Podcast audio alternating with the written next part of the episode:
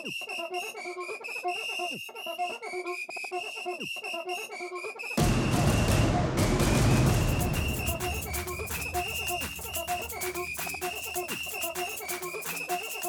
does it take to transition from being an athlete and to working with them instead?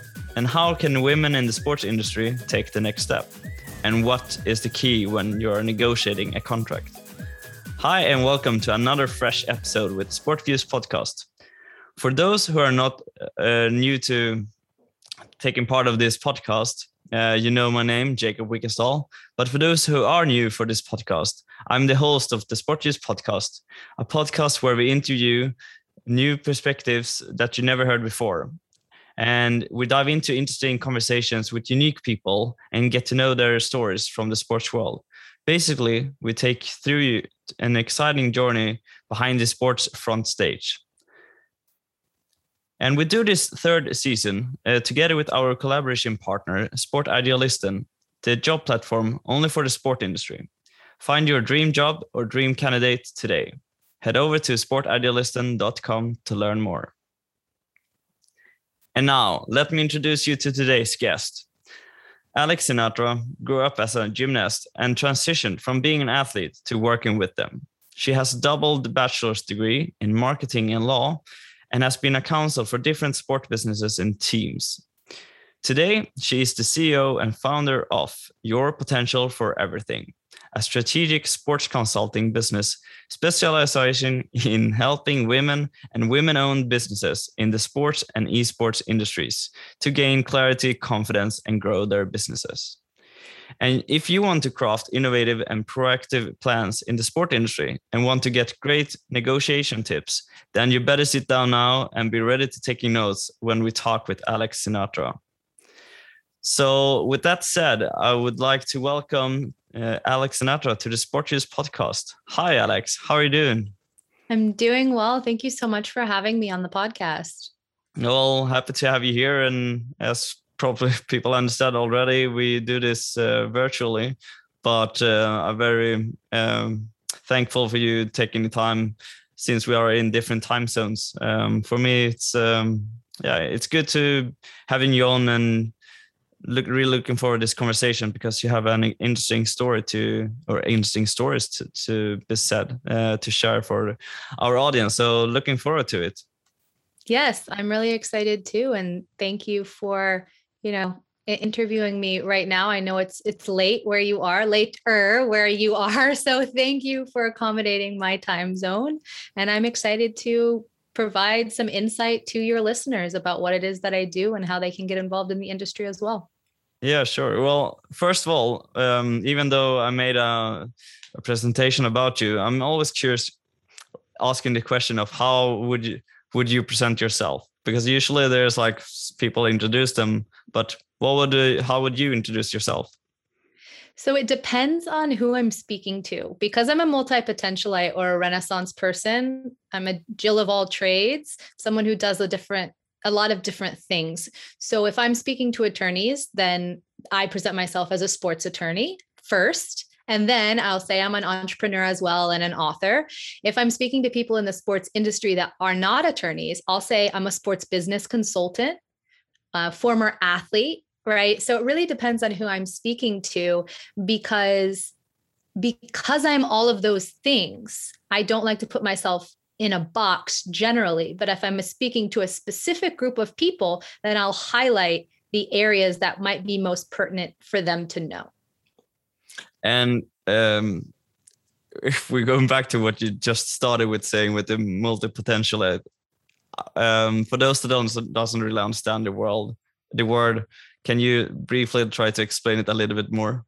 Yes. So back in the day, right? Back in the 1600s, 1700s, there were people called you know renaissance people you had to learn a lot of different things you needed to know how to understand the law and to paint and to dance and to read and to write all of those different things and so now centuries and centuries later people have all different names for this. You could be a Jack or Jill of all trades. You could be a multi potentialite. You could be an expert generalist. So it's someone who is talented or skilled in multiple areas that seem disparate or different. And they somehow are able to do all of them either concurrently at the same time or after each other. And so for me, I have a degree in business, like you said, and I have a license to practice law as well, but I'm also an entrepreneur. So for me, when I am problem solving, I'm able to put on all those different hats and look at problems and issues in a very unique perspective so that the problem solving that I do is very bespoke. It's very unique. And I love that because I've always loved to do many different things. I get bored if I'm doing just one thing all the time. So the fact that I am able to do multiple things really helps my clients, but it also helps me stay engaged in what I'm doing and to live to live a very happy life. Mm, yeah, yeah, I can recognize myself in into what you're saying with the doing things that you love to do and don't take it for granted that you can only do one thing you can actually do more. It's i guess it's it's all about planning and i guess that's something that you have taught yourself throughout the years as well. But to i guess to get further down into that direction like how did you end up doing multiple things? Was it that suddenly you had told, said yes to different tasks that you were supposed to do and then you realized like hey i'm actually doing separate things? Or how would you say you started to discover the joy of doing more things than one? Probably when I was little, I figured this out. I didn't truly grasp what it was, but I like to do multiple things. So when I was little, I would create little objects and I would try to sell them, right? So I was a little hustler, a little entrepreneur when I was a child, but I also was a very competitive gymnast as well. But I also rode horses and competed in rodeo. But then I also had parents who were from a big city, but I lived out in the country, right? So I had many different things that were happening in my life that were on completely different ends of the spectrum. I would have a basketball player from the Netherlands in my house for Christmas one Christmas. And then I would have a basketball player from Panama at my house for Thanksgiving. So for me, I always did a lot of different things. And my parents were very adamant about introducing me to different perspectives and different ideas. And my father is also this way. So my father was in a motorcycle gang he was also a pastor for a church. He was also a cowboy in Montana. He's also an author now, and he wrote a book that's been published. So it was not something that was unfamiliar to me. I, I was nurtured in this way to where I didn't have to just be one thing in my life. If I wanted to do multiple things, that was fine. The only thing my parents told me in that regard is if you commit to something, for a certain amount of time, then keep your commitment. That's the only thing they said. You know, if you com- committed to three months doing something, then you stay for those three months, whether you like it or not, and then you move on. Right. So for me, when I was little, I started to recognize that it's okay to be multiple things. And I started gravitating toward stories of people who did a lot of different things the Michelangelos, the Leonardo da Vinci's, right? Those type of people, the Margaret Thatchers, all of these very interesting and unique and successful people in history. Most of them had multiple interests, and those multiple interests informed them so greatly in what they were doing. So I appreciated that and I ran with it. Yeah, so it sounds like a like a good mix of things that you could actually grow up with, and taking lessons learned from just having people additional people in the house, I guess, yeah. as well, and not even just from the same country. That must have been, I guess, scary in the first place. Or, I mean, with having a Dutch person, I guess, would be scary. I guess that you were quite young when this was happening. Um, it wasn't scary for me because I loved learning about new things. I had a subscription to uh, Kids National Geographic. So I always was, National Geographic is uh, a magazine that talks about all different countries in the world. And so the kids version of that was like really cool games that they played in different countries and what the kids were like there. So for me, this was like my National Geographic magazine coming to life, right? And I'm like, oh my goodness, I read about the Netherlands. You guys have wooden shoes and you have tulips, and tell me about that, right? Or the the man from Panama, I'd say, oh, like what type of uh, food do you eat in Panama? And is your mother from northern Panama or southern Panama? Right. So I was very excited about that. And um, I always grew up in sport as well. And so they were basketball players that were coming to stay with us. So I loved it. It was like I had brothers from all these different countries. And you know the guy from the netherlands was seven feet tall. So i, I was more scared of how tall he was than what country he came from. Because i'm little as well. I'm very short. So he was very very tall especially as a child.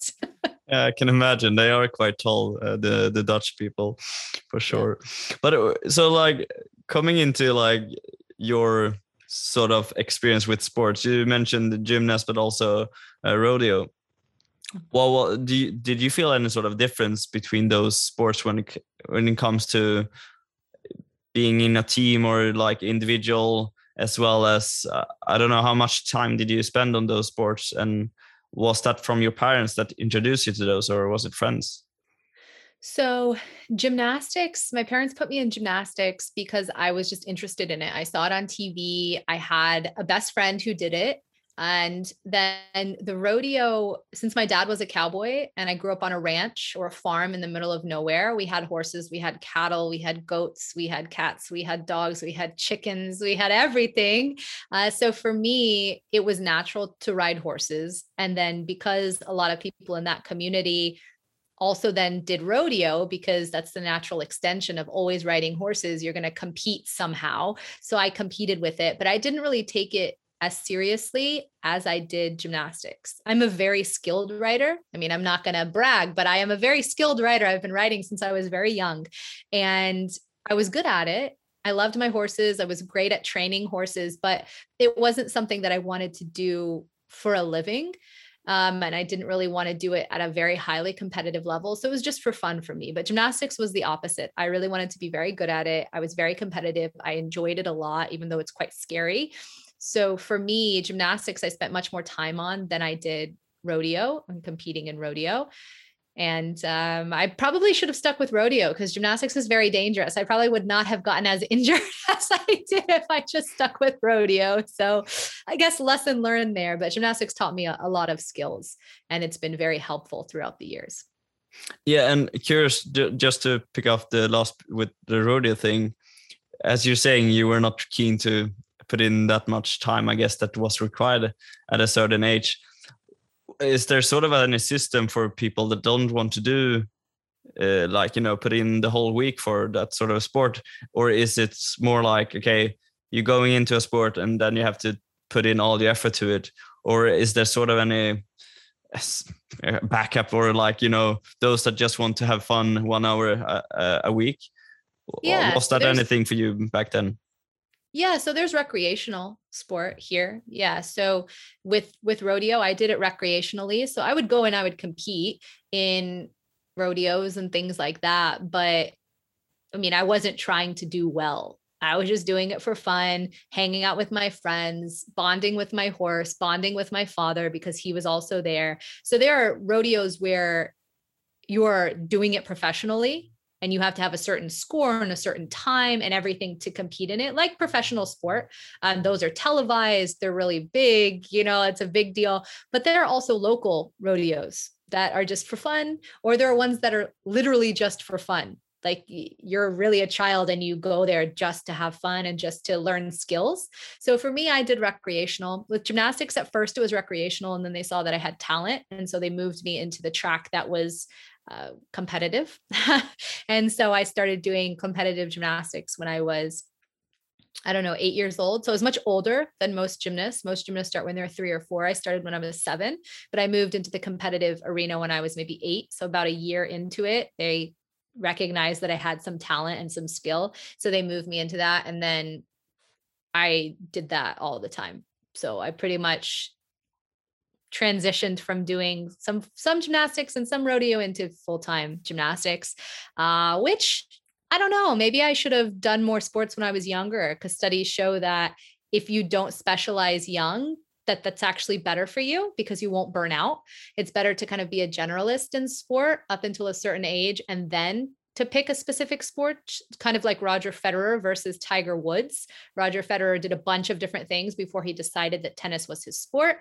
Tiger Woods uh, decided he was just going to do golf his whole life, which is fine. They're both highly successful. However, the Tiger Woods stories are very less likely than the Roger Federer stories. There are more elite athletes that take the Roger Federer path than there are that take the Tiger Woods path.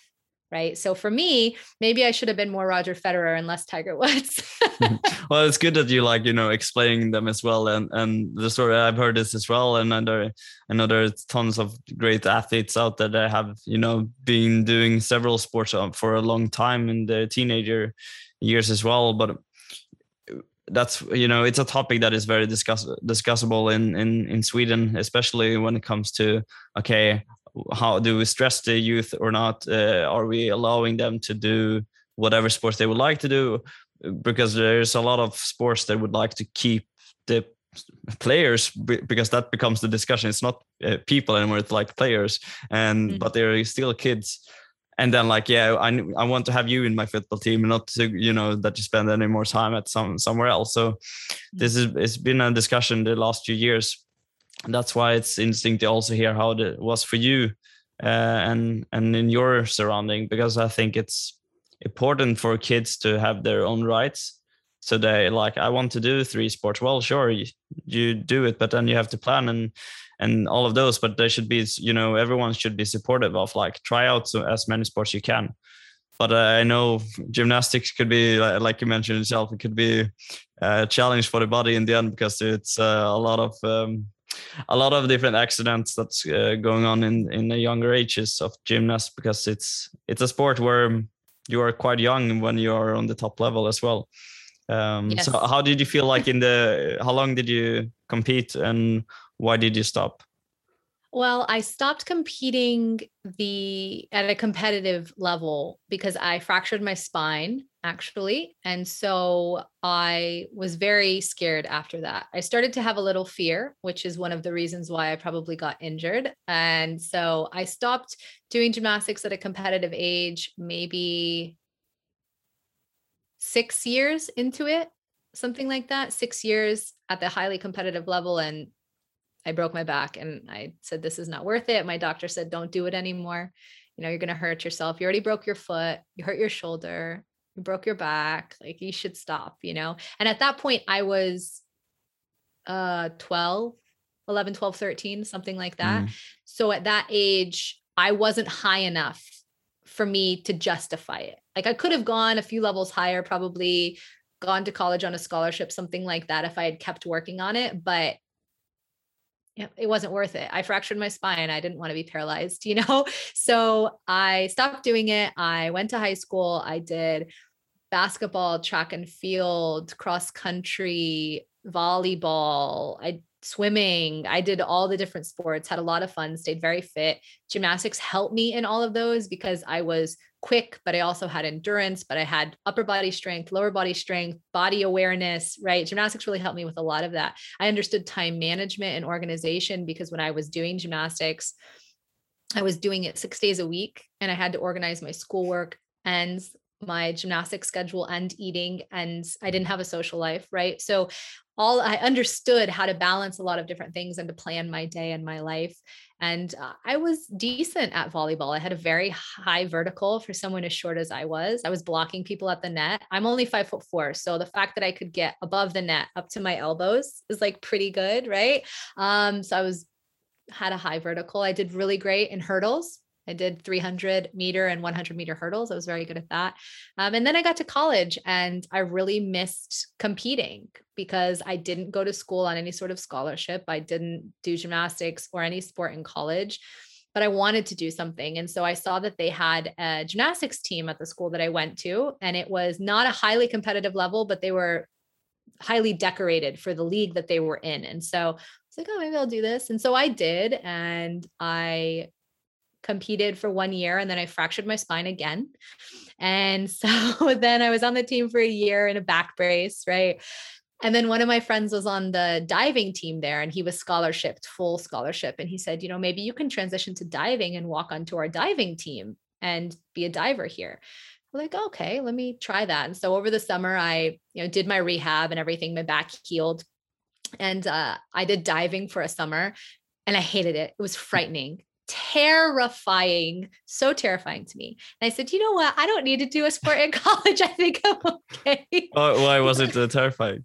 It was so scary because you're so high, right? So if you're doing platform, you're very high. If you're doing springboard, it pushes you up really high into the air. And gymnastics, you get high, gen- like for the normal person, you're high in the air on bars or something like that.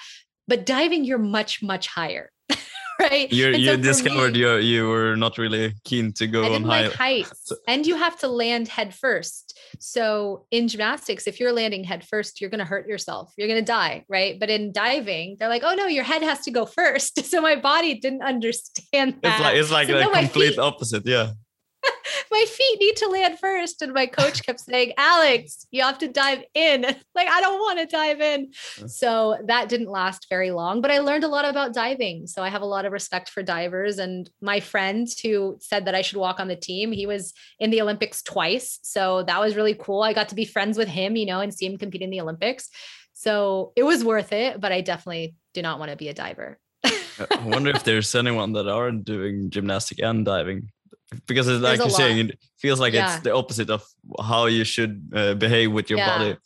There's a lot of people who transition from gymnastics to diving because the twisting and the flipping you don't have to be taught that. You just have to be taught how to enter the water mm, uh, but you understand the body shapes. So if you're not fra- afraid of heights then diving would be a good transition for a gymnast. Yeah. but i'm a little too afraid of uh, the height. Yeah yeah i got it. But so so going through this whole sort of journey from you know being very active within different uh, now you mentioned it i mean now you've been active through many different sports uh, later on in, in your youth as well. But transition and then from after all of this you realize now you can't really practice any sort of sport.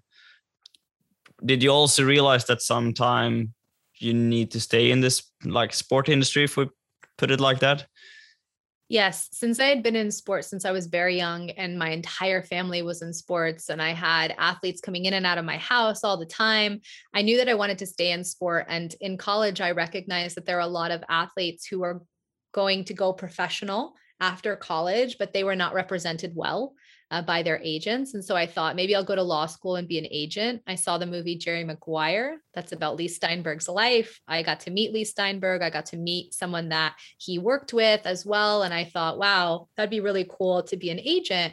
So I went to law school. I was an intern with some agents, um, NBA and NFL.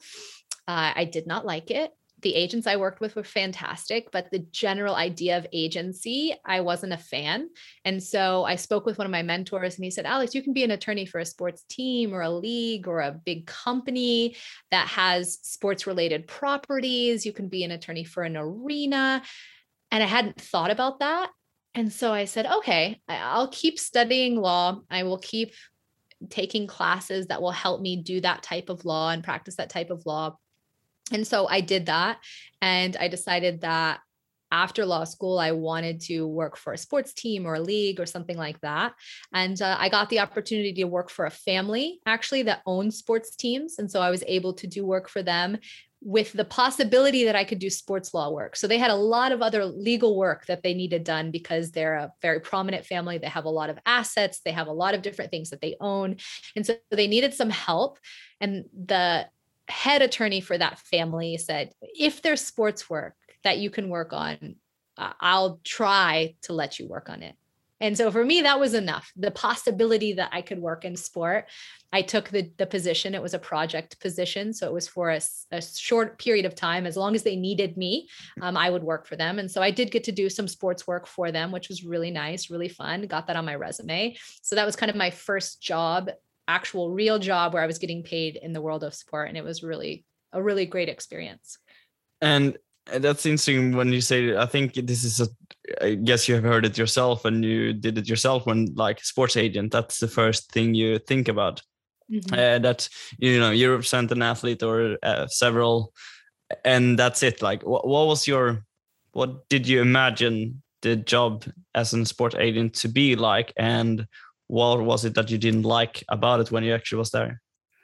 Yes. Yeah, so for me, I I'm a very empathetic person and I like to fight for people when I think they're being taken advantage of. So for me, being a Jerry Maguire made sense. I'd be fighting for the athletes, I'd be negotiating deals. I'm a very talented and skilled negotiator. And so I thought, oh, that'd be fantastic. I'd be so good at it. But I didn't recognize that the industry of sports agency is a little shady and a little corrupt, and that there are a lot of agents who are doing phenomenal work in the industry for their athletes, but there are a ton more agents that are not doing good work for their athletes. And I didn't want to have to consistently fight through getting clients and having to prove to them that I was not going to take advantage of them. It was just the time and effort that it would have taken for me to make a name for myself in the sports agency industry it was just not the amount of time that I was willing to devote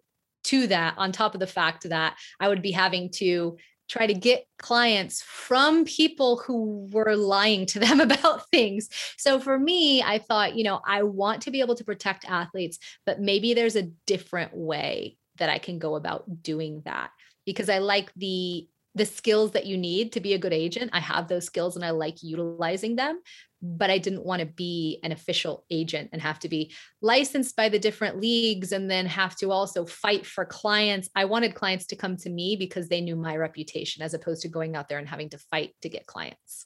Yeah.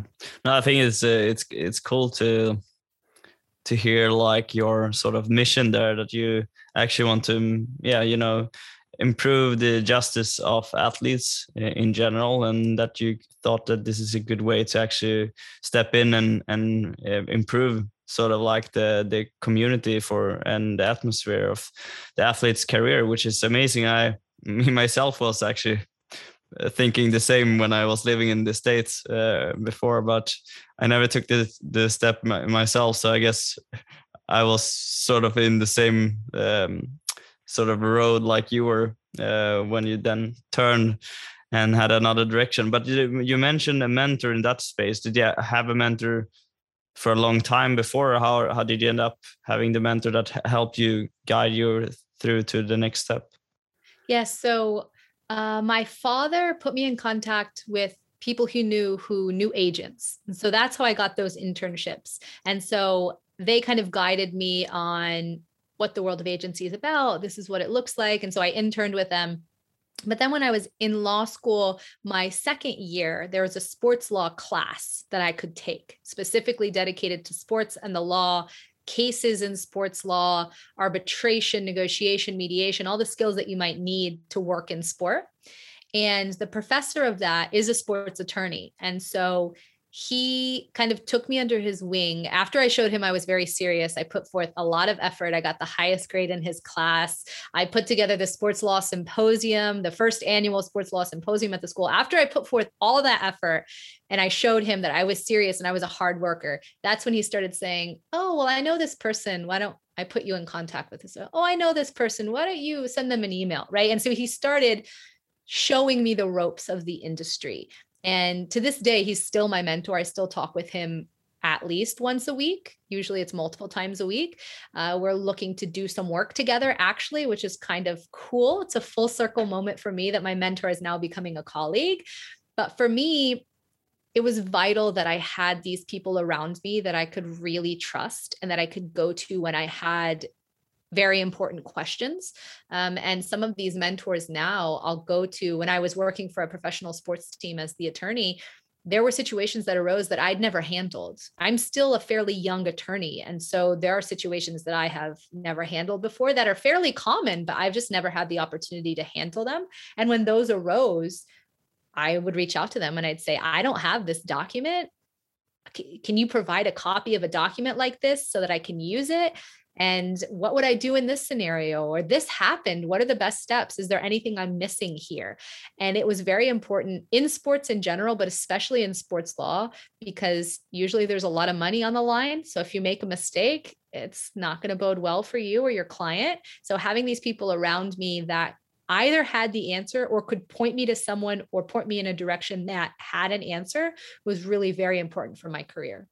Yeah, and I think it's important as well to understand the sort of key start of this network that you build up now as well is that you actually showed your interest into the area and that you really want to make sure that the people around you understand how willing you are to do the job and the work to in order to take the next step and obviously it feels like that was why he supported you after a while that he actually saw that you put in all the energy and effort to to be very serious about it. So very happy to hear that sort of like commitment because I know that there's tons of people as well listening to this, but also in general, like they want to, you know, make something about it, but then sometimes you don't really realize how much you need to put in in order to get sort of the help backwards uh, as well. And and mentoring or like you know having people bouncing ideas i think i guess you are a good proof of it as well that you can actually bounce ideas or like you know you have a sort of a question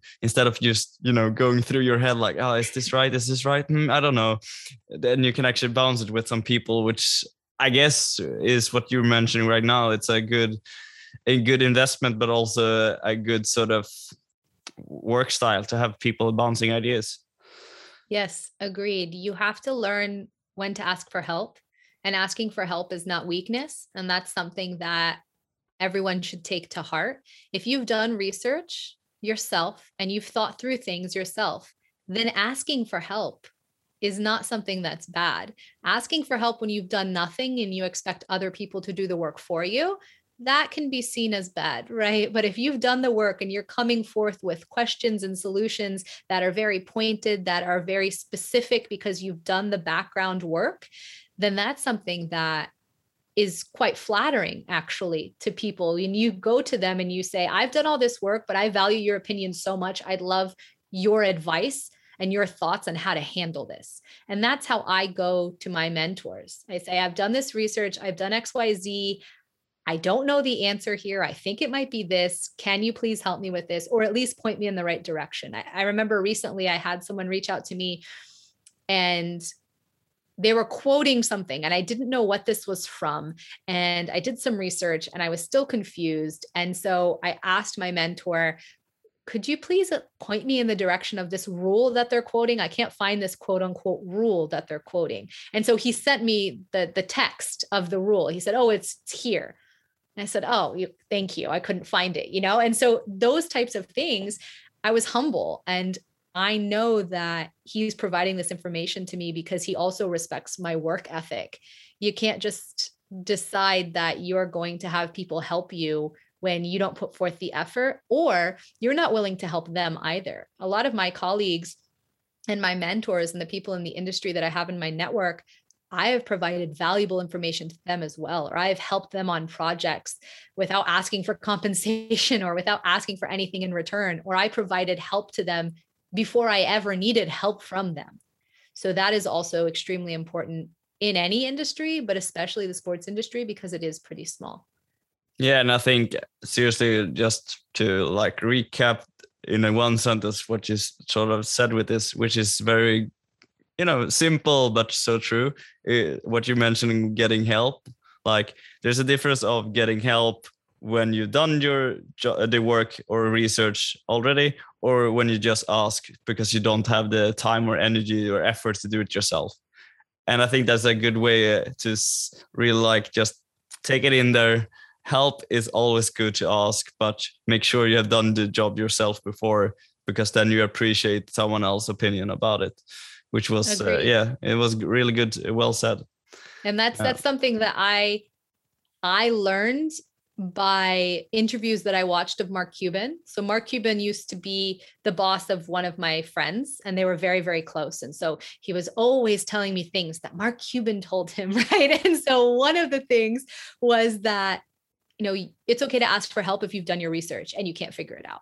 And so mm. I've always thought of, thought that way and done that. And then when I heard that quote, I thought, wow, yeah, that's true. Because when people come to me now and they say, oh, Alex, I can't find this. I'm like, did you like control F, like control find? Because that's all you have to do in your email, or that's all yeah. you have to do in the document in order to find it. But they thought their time was so much more valuable than mine, and they mm. didn't try to figure it out. And so I remember I had an intern once who, at first, she kind of wouldn't do all the research herself. And it was because she'd never been taught that. She'd been taught asking for help is a good idea, which it is. But I told her, I said, listen, ask me for help all day long, but provide a solution to me or an answer to me when you come and ask me for help. Say, I have found that it might be this, but I don't think that's right. That's fantastic. I managed a whole team in India and I like reworked their working structure based around that concept. Come to me with a solution or an answer and the question.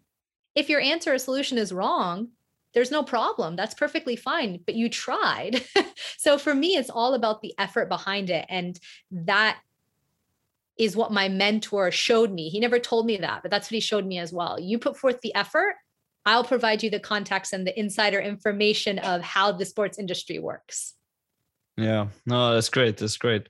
And you know, you've already mentioned it in this conversation, and also with due to like your background with the law um, studies as well. Negotiation in general, it feels like you know if unless you have sort of trained up that sort of skill negotiating or you've done your studies it's a daily thing that people end up to you know it's always negotiating something uh, everything from you doing it with kids uh, could be you know from a sports perspective could be you know kids in a in a team uh, the players that are more senior you're the coach or you're managing a whole team or an organization and there are always different ways of like okay you want to have your way you want to have like the best the best outcome of it. Uh, to make it very simple here uh, what would you say like are one to two sort of tips when it comes to trying to make the best outcome from from your own situation in a nego- negotiation deal? So negotiation people a lot of times think it's about who can talk the loudest and who can persuade the most. But negotiation really is about listening and problem solving. So those are my two tips. You need to listen more than you're speaking because the other side is really going to tell you what the problem is. If you let them speak long enough they're going to tell you what they want. They're going to tell you what the problem is. They're going to tell you how they would like it to be solved. And then if you are listening to them, then you can be the problem solver, which is the second step. So let's solve the problems in the negotiation. If you're an athlete that's negotiating with a team, what does the team want? Let's say, well, they want you to stay for five years. Let's say they want you to stay for five years because they're building a championship team and you're a cornerstone to that team and they really want you to stay, but they don't have enough money to pay you what you think you could get on the open market, right? So problem solve. Okay, they can't give it to me in cash now, but is it possible that in two years they could give me more? Is it possible I could get a bonus? Is it possible they could provide housing for me here? Is it possible that they could provide my wife and family tickets to xyz is it possible they could fly my husband out to you know? And so there's all these other things that you could think about if you were listening and you were able to be a good problem solver. And that's in your everyday life outside of the sports world as well. If you're negotiating an apartment lease rent for your apartment, if you're negotiating for a car, all of those things, right? Let's say you're negotiating for a car and you're listening to the sales guy and they're saying, like, well, you know, this is a hot model and it's going to come off the lot really quickly and yada, yada, yada. Well, if you're listening to him, it sounds like he has a quota that he has to meet. Why is he so interested in getting all these cars off the lot? Why is he so interested in like moving this particular model? It's probably because on August 1st, his manager, his sales manager told him that he needed to move X amount of cars in order to get his bonus by the end of the month, right? So if you're a problem solver and you're listening to this person, you're saying, oh, it's probably because he has a quota. Then try to solve that problem. Say, listen, I really want you to meet your quota this month. I really want you to do that. However, the price point that you're providing right now is just not something that I'm able to pay. Is there a way that we can reduce this price? Is there a way that you could make my car upgraded? Is there a way that you could do a year's free worth of maintenance? Right. So if you're listening and then trying to problem solve collaboratively, you're probably going to come up with a much better solution than if you just try to hammer the other person into submission. People do not like being told what to do, and they do not like thinking that the solutions that are com- coming up with aren't their idea. They really want to think that all the great things that happen in negotiation is because of them. Let them think that. That is fine. Take your ego and throw it in the trash. It is perfectly fine if they think that the entire deal was done because they're a magician.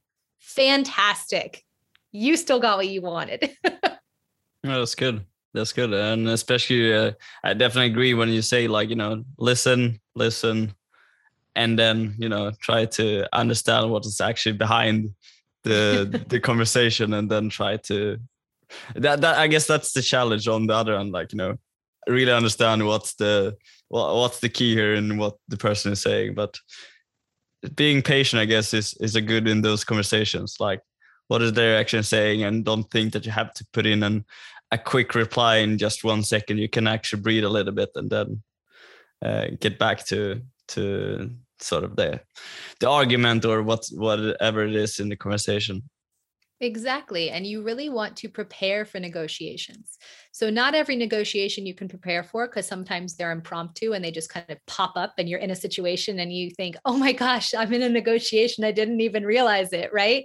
But for the negotiations that you know you might have, so if you're negotiating for a raise or a new job or a contract, your contract is coming up for renewal in three months, you can prepare for those negotiations ahead of time. Do your research, look at any statistics that might help you, create documentation that you might present, uh, figure out all the great things that you've done for an organization, whether you're a player, you're in the front office or in the back office come up with all of that information and start preparing your argument and say things to them like, what would they say if I said X? If I said I wanted a raise, they might come to me and say that we don't have enough money. And then you might say, okay, how would I prepare for that? How would I counter that argument? I might say, well, you realize that I actually, and this is an actual example of an argument that I used back when I was asking for a raise. I said, Well, I've gotten over $200,000 worth of earned free advertising for the team through my efforts and my work. So I saved the team $200,000 and I had this many impressions from that $200,000. I also raised $50,000 through XYZ. And neither of those things is my full time job here. I said, So we do have money and I would like a part of what I have raised for the team and what I have saved for the team. But I had actual statistics there. I had created an entire set of statistics, basically an entire a slide deck presentation about why I deserve the money, how much money I deserve, how much money I'm actually asking for, right? Because I deserve way more than I'm asking for. Yeah. And um, I figured out what was important for the team saving money and making money. Those are two very important things. And also for that particular season, it was about visibility. So they wanted to know how many people did you get us in front of and what type of people were they, right? So if you have the time and the luxury of preparing for a negotiation, then you should and you should figure out every objection that they're going to have so that you have an argument because it's very very difficult especially when you're a newbie to negotiation to think quickly on your feet so for me it's a little easier because i have done the work over time and over time i've been in a lot of negotiations i've done a lot of negotiations in my head where i played both parties right so for me it's a little bit more flexible for me to adapt to those types of situations than it would be someone who's going in for their 10th negotiation as opposed to their 1000th, right? So it's very important to do that. But even if you don't have time to prep, you might have five minutes before, you might have 10 minutes before, you might have, like you said, the opportunity to pause, right? So if you can practice what the pauses or responses are going to be when you don't know an answer, that's also very helpful because that can bide you time. If someone says something, well, you know, we we want to we we can't give you a raise. Okay, what are going to be your responses to that though? If you don't know that you're in a negotiation for a raise, what's going to be your response? Maybe you say, Oh, I'm really sorry to hear that. I was expecting that the work that I put forth would indicate that I am due a raise because I'm a very hard worker. I put in X amount of overtime the past month. Can you explain to me a little bit about the reasons behind why you think that I shouldn't get a raise? And then they might say, well, it's been a tough quarter, well, blah, blah, blah, blah, or well, well, it's not a year that you've been working for us yet. Maybe they're wrong. Maybe their analysis of why you shouldn't get a raise is actually wrong. And you say, well, actually, I started uh, 18 months ago. It's been one year and a half since I've been here. And they might say, oh, we didn't even, oh, we didn't see that. The documentation that we have is incorrect. You're right. You were hired on this date. You are due a raise. And then you can say something like, that's fantastic. I'd love to get something on the calendar next week so that I can prepare for the discussion. So I can provide everything that you need me to provide. Is there anything in particular that I can provide for you to make this process easier? Right. And you switch it on them and you didn't prepare for the negotiation at all. You just prepared what your responses to possible questions in life will be. If you don't know what the question is going to be, you don't know you're going to be in a negotiation, you might say something like, That's very interesting. Can you tell me more about that? That literally will work in a work situation, a life situation, any type of situation, a relationship. Your boyfriend says something to you, your girlfriend says something to you. That's very interesting. Can you tell me more about that? That'll work. They might think you're being facetious, so maybe change it up a little bit. but always be preparing for something like that because you never know when you might get into a negotiation. Yeah, definitely agree. I, I usually do the the five whys um, concept when it comes like that. So you said something, then I ask why, and then you start to explain it, and then there's another reason behind that. So then I keep going, and usually about five times when you're asking the why, you come down to the root cause, and then then you can, like you said now as well, like if there's still some unclear, then you can say like let's set up a meeting, and then we both can prepare on the other hand, just a quick note, but this is also more like a smaller one. If if your employer telling you that you've only worked there for one year and you and they don't even know that you've been there for longer, then I would also suggest to look up another place. But I, because that sounds a little bit rough to not know True. how long you've been there. True, but sometimes the people that are doing the interviewing or doing the raises, they might not be your direct superiors. They might just be someone who is told something that's incorrect. They might have read the email incorrect. I agree that if an organization doesn't believe that you are due a raise and you're a very hard worker, that you should probably take your skills somewhere else. but not everybody has the luxury, especially in the sports industry, especially as a sports attorney. There are not a lot of jobs opening all the time. So if you're with an organization and you're in a higher position in the sports industry and they're not willing to give you a raise, maybe they're willing to give you something else though. I've negotiated for non-monetary benefits, uh, spa benefits, housing benefits, those types of things which uh, also paying for tolls so toll roads as mm. well. So those things are not necessarily money going into your pocket but it's saving money from going out of your pocket right? So that sure can does. also be very a wonderful thing to be able to negotiate. You might not always be able to get those monetary value from an employer but you might be able to get a non-monetary benefit that's very very helpful for you and your family. Yeah true that well, you know, it feels like we could talk forever, but it is also coming to an end of this. It feels like yeah, there's tons of more I would like to ask, but to to try to wrap it down in in some way. Uh, typical question, but what would you say in, in general? Like, what what is one of the best career advices that you've been given?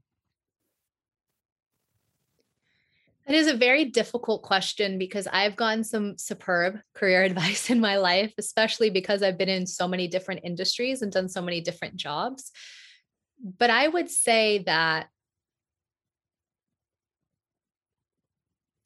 you can learn something from every experience that you have, whether it's good or bad. And if you're leaving a situation and you haven't learned something from it, that's your fault. That's not the fault of your employer. That's not the fault of your boss. That's not the fault of your colleagues. That's your fault because you can always learn something from any situation that you've been in if it's a phenomenal work environment, if it's a terrible work environment, you're going to learn something about others and yourself. You might learn how you don't want to be a certain type of manager. Maybe you want to learn how to manage a team better because you did a terrible job, right? For me, I managed a team a year and a half out of law school. I managed a team on another continent, a legal team as a young attorney like that. It was very intimidating at first. I did so much research to be able to be a good manager on that. And I could have just been scared and been the worst manager ever because I'm, I say my work never trained me how to do this. My boss never trained me. He's a terrible manager. I could have just blamed everybody else. But instead, I did all the work. I watched a ton of TED Talks. I read a lot of articles.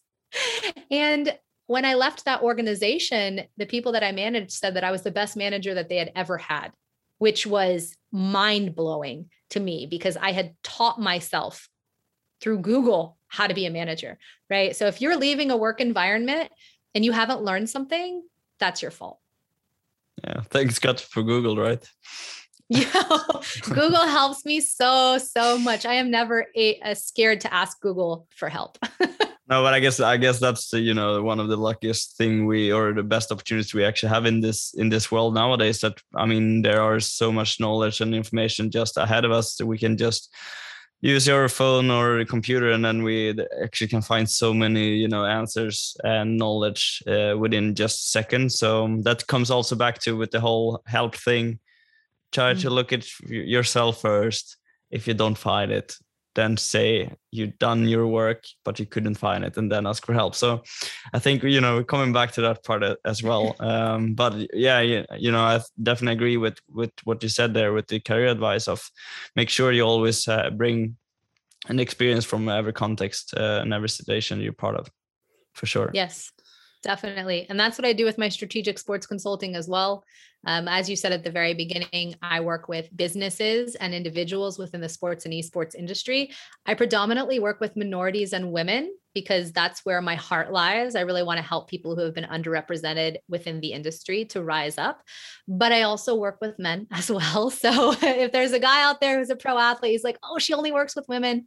It's okay hit me up. I will also probably work with you after I do an interview to see if you're a correct fit for me.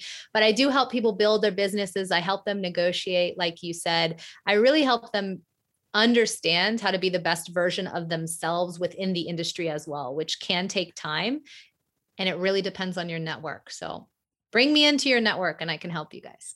yeah. And I guess the, the, the whole thing here is just ask just ask and see if you can get some help and that's that's the yes. first step the worst thing someone could say is no, they're not willing to help you. And then you're no worse off now than you were then. Yep. But now this person might respect you a little more because you asked them. And later on down the war- road, they might be more willing to help you because they said, well, they had the audacity to ask me. That's pretty courageous. It's pretty bold of them to do that. True so that. doesn't True hurt that. you. No, exactly. And yeah, you know, to wrap up also a little bit what you are doing, you also have your own podcast, podcast yourself uh, as uh, also it's called uh, the similar as as your sort of job as well. But uh, for those that you know uh, are keen to learn more, because you obviously you're having several different conversations in your in your own podcast uh, with amazing people from different backgrounds and so on.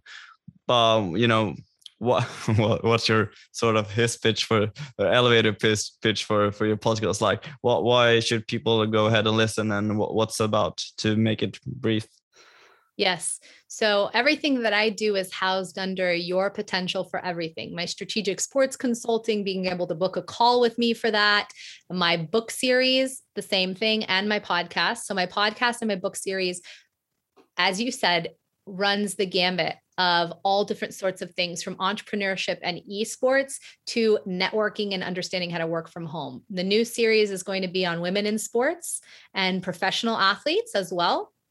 And it's about people who want to do more than one thing in their life. So everybody that I interview has done multiple things in their life. Maybe they're a professional athlete, but they also have a business. Maybe they're an, an attorney for a professional sports team, but they also have been a highly trained violinist. You know, it's people who are Renaissance people, multi potentialites.